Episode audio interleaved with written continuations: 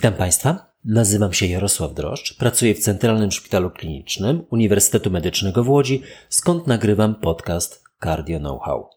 Będący częścią akademickiego portalu edukacyjnego Cardio Know-how. Jest on przeznaczony wyłącznie dla profesjonalistów i odzwierciedla wyłącznie moje osobiste poglądy. Dziś ostatnie badania kliniczne prezentowane podczas ostatniego kongresu American College of Cardiology, restrykcja soli w niewydolności serca, systemy wspomagające farmakoterapię, omecamtiv, mecarbil, implantacja zastawki aortalnej oraz przezskórna naprawa zastawki trójdzielnej. Pierwsze badanie. Sodium HF Intuicyjnie czujemy, że należy rekomendować ograniczenie przyjmowania soli kuchennej z pokarmami, zarówno w nadciśnieniu tętniczym, jak i w niewydolności serca, albo szczególnie w niewydolności serca. W nadciśnieniu tętniczym pozwala to obniżyć ciśnienie tętnicze o kilka milimetrów supartęci, a jak jest dokładnie w niewydolności serca? No, zdecydowanie należy ograniczać NaCl z pokarmem. Spotykacie Państwo dekompensację chorego po spożyciu dużej ilości solonych pokarmów, takie śledziki, pizza itd. Tak ja widzę objawy kilkudniowego przewodnienia w tych przypadkach i odradzam takie incydenty. Ostatnio z pewnych względów byłem także zobligowany, aby wnikliwie przeanalizować najbardziej współczesną wiedzę dotyczącą działania układu renina-angiotensyna aldosteron. Nie wiem, czy Państwo zdajecie sobie sprawę, ale nie tylko aldosteron, w tym przypadku swoiście, stymuluje receptor mineralokortykoidowy. Poza nim, nieswoiście już, stymuluje ten receptor także duża ilość soli, no i wysokie stężenie glukozy. Wróćmy do dużej ilości soli. Sól powoduje nieswoiste pobudzenie receptora mineralokortykoidowego, co nasili jeszcze zatrzymanie sodu. Tak, nadmierna podaż soli nasila zatrzymanie sodu i wody. Czym ponadto zapewnie część Państwa zaskoczę, to pobudzenie receptora mineralokortykoidowego nie tylko powoduje zatrzymanie soli i wody w organizmie i utratę potasu, lecz także włóknienie i niszczenie mięśnia sercowego, co kończy się niewydolnością serca, początkowo HFpF oraz dysfunkcję nerek. Tak, nadmierna podaż soli powoduje stymulację receptora mineralokortykoidowego, która zatrzymuje jony sodowe i wywołuje włóknienie, równa się uszkodzenie serca i nerek. Stąd niezwykle ważne i stale wzrastające znaczenie antagonisty aldosteronu we współczesnej medycynie. To przecież obligatoryjny składnik Wielkiej Piątki w farmakoterapii niewydolności serca. O tym za moment również będziemy mówić. Wracamy do soli. Inna kwestia to taka, że w niewydolności serca czasem spotykamy hyponatremię i zupełnie zaskakujące zalecenie niektórych lekarzy. Proszę spożywać więcej soli. Wytyczne nie są tu jednoznaczne, ale intuicyjnie czuję, że to duży błąd. I nikomu jeszcze takiej wskazówki nie rekomendowałem. Podsumowanie, i to moja osobista opinia, zawsze lepiej spożywać soli kuchennej mniej, szczególnie w nadciśnieniu i w niewydolności serca. Interesujące, że nie ma zbyt wielu danych z badań klinicznych potwierdzających to zalecenie, obecne w medycynie od 100 lat. A te badania, które mamy, opierają się zazwyczaj na badanej grupie kilkudziesięciu, no do 120 chorych. A jak jest naprawdę w niewydolności serca? Justin Ezekowicz, Kanadyjczyk z Alberty, zaprezentował wyniki badania sodium HF. 841 pacjentów z niewydolnością serca klasy drugiej i trzeciej, NYHA, optymalnie leczonych farmakologicznie, randomizowanych do grupy z zaleceniem restrykcji soli, to ta grupa placebo, oraz z rzeczywistym ustaleniem jadłospisu ograniczającego sód do 1,5 grama. To ta grupa badana. Analizowano próbki przyjmowanych pokarmów, aby potwierdzić rzeczywiste spożycie soli. Wykluczono pacjentów z hiponatremią, sód poniżej 130. No i jakie wyniki? Zaskakująco, ale nic istotnego statystycznie. Badając próbki pokarmu, potwierdzono różnicę w przyjmowanej ilości sodu 2 gramy w grupie kontrolnej i 1,6 grama w grupie badanej. To przełożyło się na 18% redukcję liczby hospitalizacji, 11% redukcję powikłań definiowanych jako hospitalizacja lub zgon, ale wszystko to było nieistotne statystycznie. Szkoda. Krócej niż zamierzano obserwowano chorych. Mniejsza niż planowana była różnica w ilości przyjmowanej soli. Szkoda. Z pewnością nie można zakończyć tak jak autorzy badania na American College of Cardiology, mówiąc ograniczenie ilości przyjmowanej soli nie zmniejsza powikłań w niewydolności serca. To jest moim zdaniem zbyt duże uproszczenie. Powtórzę, co już raz powiedziałem. Proszę nie prowadzić badań, które trudno logicznie skomentować. Ale ja to skomentuję. Ograniczajcie Państwo ilość przyjmowanej soli u chorych z nadciśnieniem, z niewydolnością serca oraz wszystkich innych także. Także u siebie. Choćby tylko dlatego, aby mniej stymulować nasz receptor mineralokortykoidowy. No, może z wyjątkiem długotrwałej pieszej wędrówki przez pustynię. Całość badania opublikowano w The Lancet, a link jest w transkrypcie na Cardio Know-how. Było też badanie na temat Wielkiej Piątki. Zgodnie z wytycznymi nazywana jest ona wielką czwórką, gdyż zazwyczaj pomija się tu diuretyki. Diuretyki to różnica między piątką a czwórką. Ja mówię piątka, wszyscy inni mówią czwórka. Prawie wszyscy. Zgadzam się z tym podejściem, że wytyczne zalecają czwórkę, cztery filary, ale w życiu stosuje się piątkę. A nierzadko włączam diuretyk do panelu leków niewydolności serca, gdy inni lekarze o tym zapomną. Tak, zdarza się to wcale nierzadko. No więc czwórka to znaczy piątka. Badanie nosi akronim PROMPT HF, pochodzi z ośrodka Yale i pokazuje na fakt poprawy leczenia niewydolności serca, gdy czuwa nad nami, lekarzami w ambulatorium, aplikacja analizująca, czy pamiętamy o wielkiej czwórce. I poprawia się stosowanie zaleceń aż o 40%. Jak to wpływa na przeżycie? No, z publikacji się tego nie dowiemy, ale według mnie wpływa i większość badaczy też tak uważa. Osobiście zamiast brzęczącej aplikacji wolę spojrzeć na swoją lewą dłoń albo na swoją prawą dłoń i policzyć tam do pięciu. Wielka czwórka się tam też przecież znajduje, a nawet wielka piątka. Journal American College of Cardiology opublikowało pełną wersję, link na Cardio Know-how. Gips 4. Czwórka jest rzymska, gips jest jak gips. Taki akronim badania. Czy tiosiarczan sodu zmniejsza objętość strefy martwicy w ostrym zawale serca? No niestety nie. A dlaczego miałby w ogóle zmniejszać? Otóż poprzez wytwarzanie siarkowodoru mógłby to czynić w mechanizmie kardioprotekcji. Siarkowodór i kardioprotekcja? Mnie się raczej kojarzy to z wielkim wymieraniem gatunków sprzed 250 milionów lat. Zniknęło wówczas 90% gatunków morskich i ponad 70% lądowych. Siarkowodór wówczas pochodził z wulkanów. No, kojarzy mi się z gazem bojowym. Brytyjczycy zastosowali go podczas I wojny światowej, mniej znany epizod z I wojny. I ze studzienkami kanalizacyjnymi to z dziennikarskich informacji. Tyle na temat holenderskiego badania GIPS 4. Meteoric HF. Omecamtiv mecarbil to nowy lek w terapii niewydolności serca.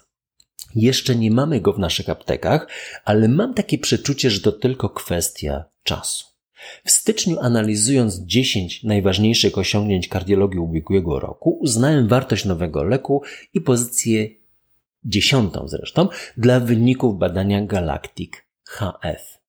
Mówiłem wówczas, Niektórzy mówią, że uzyskano jedynie 8% redukcji zaostrzeń niewydolności serca, bez wpływu na śmiertelność. To prawda, ale ważniejsza jest dla mnie, że ta skuteczność większa dotyczyła populacji o niższej frakcji wyrzutowej. A jeszcze ważniejsze jest zupełnie coś innego. To pierwszy skuteczny lek w nowej grupie aktywatorów miozyny. Pierwszy w historii. Niewydolność serca to przecież słabe serce, tak jak nazwaliśmy portal Polskiego Towarzystwa Kardiologicznego dla chorych z niewydolnością serca. A słabe serce, słabe serce.pl, a słabe serce należy wzmocnić. No beta blokery je przecież osłabiają. Państwo wiecie, że to uproszczenie, ale mm, aktywatory miozyny wzmacniają siłę skurczu. Omecamtiv mecarbil ukierunkowany jest właśnie na upośledzenie kurczliwości mięśnia sercowego i jego zasadniczym zadaniem jest poprawa jego wydolności. Jego, czyli serca. Poprzez to wydolności fizycznej pacjenta. To pierwszy preparat w historii medycyny, który działając w niewydolności serca ukierunkowany jest na miozynę, poprawiając siłę skurczu mięśnia sercowego i wszystkie inne próby podobnych zastosowań środków poprawiających siłę skurczu zawiodły. Wywołały zwiększenie śmiertelności. Ten jeden nie poprawę 8%. Dokładnie na ten element siła skurczu mięśnia zogniskowano badanie Meteoric HF, właściwie wydolność fizyczna po tym leku. W kryteriach kwalifikacji zwraca uwagę frakcja wyrzutowa do 35% w ciągu ostatniego roku oraz NT-proBNP ponad 200. No i względna stabilność choroby, brak dekompensacji w ciągu ostatnich trzech miesięcy. Oceniano najlepszy, zdecydowanie najlepszy parametr oceniający ilościowo wydolność fizyczną, maksymalne pochłanianie tlenu podczas wysiłku przed i po 20 tygodniach leczenia nowym lekiem. 276 pacjentów, z czego 2 trzecie przyjmowało lek, a 1 trzecia placebo. Średnia frakcja 27. NT-proBNP 1300. Na leczenie tych chorych patrzyłem z zazdrością. 99% beta-adrenolityk, 66% arni. Tylko flozen zdecydowanie zbyt mało, bo 18%, no ale zawsze 18%. Wyrazem było średnie ciśnienie tętnicze 114, a tętno 69. Bardzo wysoki wskaźnik elektroterapii. CRT co czwarty chory. ACD co drugi. I co? Niestety nic. Żadnych uchwytnych różnic w maksymalnym pochłanianiu tlenu po nowym leku. Niewiele to moim zdaniem zmienia. Pokazuje jednak, że w terapii niewydolności serca przywiązanie do klasycznego podejścia z oceną wydolności fizycznej nie jest optymalną strategią. Zasadniczym kryterium oceny skuteczności terapii pozostaje liczba hospitalizacji, no i śmiertelność a te w niewielkim wprawdzie, ale istotnym kierunku poprawiają się po podaniu omecamtiv mecarbil. Istotne statystycznie 8%. Wyraźniejsza poprawa wystąpiła u chorych z bardzo niskimi wartościami i tam pewnie skierujemy ten lek. No i jeszcze jedna uwaga. Świat pędzi w dostosowaniu się do nowych wytycznych leczenia niewydolności serca. 66% ARNI. Naprawdę uznano, że wśród Wielkiej Piątki to ta jedna decyzja pozostawiona lekarzowi powinna być rozstrzygnięta na korzyść nowego schematu leczenia. Pamiętacie Państwo, diuretyk, beta-adrenolityk, ACE inhibitor bądź ARNI, antagonista aldosteronu i flozyna, jak pięć palców naszej dłoni. I ta jedna decyzja pozostawiona lekarzowi. ACE inhibitor bądź ARNI. A 66% decyzji lekarskich dotyczących tych pacjentów leczonych w grupie badania, o którym mówiłem, było za ARNI. Adapt TAWR to kolejne badanie. Na początek, co oznacza skrót TAWR? T-A-V-R. T to transkateter, to jest przescewnikowa, a V to aortic valve, zastawki aortalnej, domyślnie stenozy aortalnej. R to replacement, Zamiana, wymiana. Na stronie mayoclinic.org poświęconej nowym sposobom leczenia interwencyjnego serca dla pacjentów widnieje skrót TAWR i opis tego, co my nazywamy TAVI.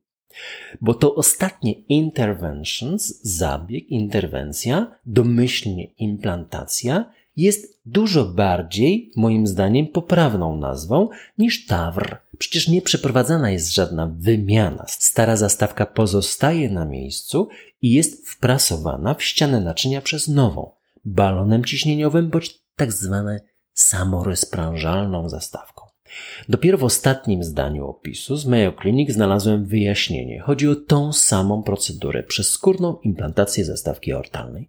TAWR równa się TAVI. Adapt TAWR. Jakie leki stosujemy po TAVI? W epizodzie 36 podsumowałem rekomendacje farmakoterapii po TAVI. Nie wszyscy to znają. Punkt pierwszy. Pacjenci po TAVI z innymi wskazaniami do antykoagulacji, jak na przykład migotanie przedsionków, powinni mieć utrzymaną antykoagulację. Czytaj monoterapię NOAC. Drugi punkt. Pacjenci po TAVI bez wskazań do antykoagulacji nie mają wskazań do antykoagulacji. I wówczas punkt trzeci. Rekomenduje się w tych przypadkach jeden lek przeciwpłytkowy. Czytaj ASA 75 mg. Komparatorami tu był edoxaban, jeden z doustnych leków typu NOAC, antykoagulant nie będący antywitaminą K, który u nas wprawdzie jest dostępny, ale rzadko stosowany, oraz podwójna terapia przeciwpłytkowa ASA i inhibitor P2Y12, tak naprawdę klopidogrel. Dlaczego akurat tak? Otóż jednym z częstszych powikłań wczesnych potawi, obok zaburzeń przewodnictwa implikujących konieczność implantacji kardiostymulatora, jest udar mózgu. Każdy, kto wyobrazi sobie, jak przebiega sam zabieg TAVI, zrozumie, dlaczego tak się dzieje. Jak wygląda stenoza aortalna? No masy zwapniałych tkanek w miejscu, gdzie kiedyś były zastawki półksiężycowate aorty. Rosnące tam te masy przez 15-20 lat. No jak wygląda zabieg TAVI? Te tkanki rozrywa się balonem pod dużym ciśnieniem, wprasowując w ścianę aorty te masy wapniowe, implantując nową zastawkę aortalną. Część z materiału nie jest wprasowana w ścianę aorty, lecz uwalnia się i uruchomiona wędruje z prądem krwi. Część z tego materiału trafia do mózgu, czyniąc jawny klinicznie udar mózgu bądź nieme uszkodzenie struktur tkanki mózgowej. Kto nie wierzy, niech wykona CT głowy przed i po zabiegu. My tak zrobiliśmy i znamy wyniki. Rozpoznaliśmy często występujące nowe uszkodzenia niedokrwienne mózgu, a szczęście polega na tym, że klinicznie manifestujący się udar mózgu to wcale nie jest częsta rzecz. Niewiele się o tym mówi. Niewiele to też zmienia, bo klinicznie pozostaje to nieme, sam zabieg bardzo skuteczny i ratuje życie to warto podkreślić, że zatory mózgu nie mają wpływu na postrzeganie zdecydowanych korzyści, jakie nasi pacjenci odnoszą stawi. No ale też wstrzymuje nas przed wykonywaniem zabiegu bezrefleksyjnie u osób z granicznymi wskazaniami oraz pacjentów młodszych. Zarówno edoksaban, jak i podwójna terapia przeciwpłytkowa z uwzględnieniem klopidogrelu może potencjalnie zmniejszyć ryzyko tych powikłań udaru mózgu. Zmniejsza, no i która metoda tu jest lepsza? NOAC czy dodatkowy P2Y12? No w tym wypadku klopidogrel 220 pacjentów, średni wiek 80 lat, zrandomizowano do dwóch grup. Edoxaban, monoterapia bądź ASA plus klopidogrel. Cel? Ograniczenie liczby nowych ognisk niedokrwienia w rezonansie mózgu oraz jawnych klinicznie, neurologicznie udarów mózgu. Wyniki? Obie strategie są równorzędne. Jednoznacznie nazywa się jeden problem w konstrukcji tego badania. Brakuje mi tu bowiem trzeciej podgrupy, leczonej wyłącznie ASA, tak jak wskazują wytyczne. Trudno, nie dowiemy się z tego badania, ale wytyczne należy zmienić? Nie. A może dowiemy się czegoś jeszcze? Bo warto przeanalizować wyniki pod innym kątem. Po skutecznym TAVI pacjent opuszcza szpital i w ciągu najbliższych 6 miesięcy u 100 chorych wystąpi. Dwóch będzie miało udar mózgu. Dwunastu krwawienie, ale tylko jedno z nich będzie zagrażające życiu. Do szpitala trafi dwunastu. Umrze dwóch. I co ja myślę? Tylko tyle powikłań. To w sumie bardzo niewiele jak na tą populację starszą i ze śmiertelną chorobą. TAVI to naprawdę doskonała i efektywna procedura z niskim ryzykiem powikłań i bardzo dobrą koncepcją farmakoterapii reprezentowaną w wytycznym, że monoterapia wystarczy u chorych bez wskazań do antykoagulacji. Choć takiego ramienia tu nie było. Pomijam tu wątek skrzeplin na płatkach zastawki, ponieważ w tej grupie śmiertelnie chorych 80-latków, śmiertelnie na krytyczną stenozę aorty, techniki obrazowe niewiele się zdają, poza kwalifikacją do zabiegu. No i oczywiście jego nadzorem. Decyduje w moim przekonaniu doskonały, moim zdaniem, efekt kliniczny, czyli brak jawnie klinicznych powikłań udaru, zawału, krwawienia bądź zgonu. Pełne wyniki w Circulation. Link na Cardio Know-how. I ostatnie badanie. CLASP TR. Przezskórna naprawa zastawki trójdzielnej. Podczas American College of Cardiology przedstawiono wyniki rocznej obserwacji naprawy ciężkiej niedomykalności trójdzielnej. Jak doskonale wiemy, rozpoznanie zaawansowanej niedomykalności trójdzielnej należy do jednego z najpoważniejszych rozpoznań kardiologicznych. Leczenie operacyjne obciążone jest bardzo wysoką śmiertelnością, a zasadniczo złymi, długofalowymi wynikami. Leczenie farmakologiczne pozostaje tu standardem, a niestety śmiertelność trzyletnia znacznie przekracza 50% i jest jeszcze wyższa, jeżeli zapomnimy o antagoniście aldosteronu. Stąd pozwalam sobie nawiązać do Wielkiej Piątki, w skład której antagonista aldosteronu naturalnie wchodzi. Pozostaje zatem starać się o naprawę najmniej inwazyjną metodą, jaką znamy, drogą przezskórną. Nitinolowe komponenty podobne do systemu MitraClip noszą tu nazwę Pascal Repair System.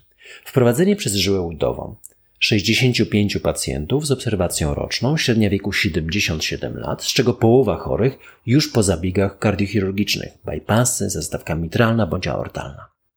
Trzygodzinny zabieg, trzy dni w szpitalu, porównywalne parametry do przeskórnych zabiegów TAVI. 30-dniowa śmiertelność sercowo-naczyniowa, uwaga, 3%. Roczna, uwaga, 8%. No ocenić ją należy jako bardzo niską, w tym stopniu zaawansowanej wady. To pewnie mniej niż śmiertelność okołozabiegowa, gdyby pacjentów kwalifikować do leczenia operacyjnego. Dodatkowo 4 udary, 6 krwawień, łącznie liczba powikłań 17%, co jednoznacznie wskazuje na sukces. U 83% nie wystąpiło nic godnego uwagi klinicysty poza przedłużeniem życia. Naturalnie to dopiero pierwsze wyniki, wybrano środki, ścisłe kryteria kwalifikacji, ale jakże jest to optymistyczne. Ponad 80% nawet ani raz nie trafia do szpitala z powodu dekompensacji niewydolności serca. To naprawdę znakomity wynik.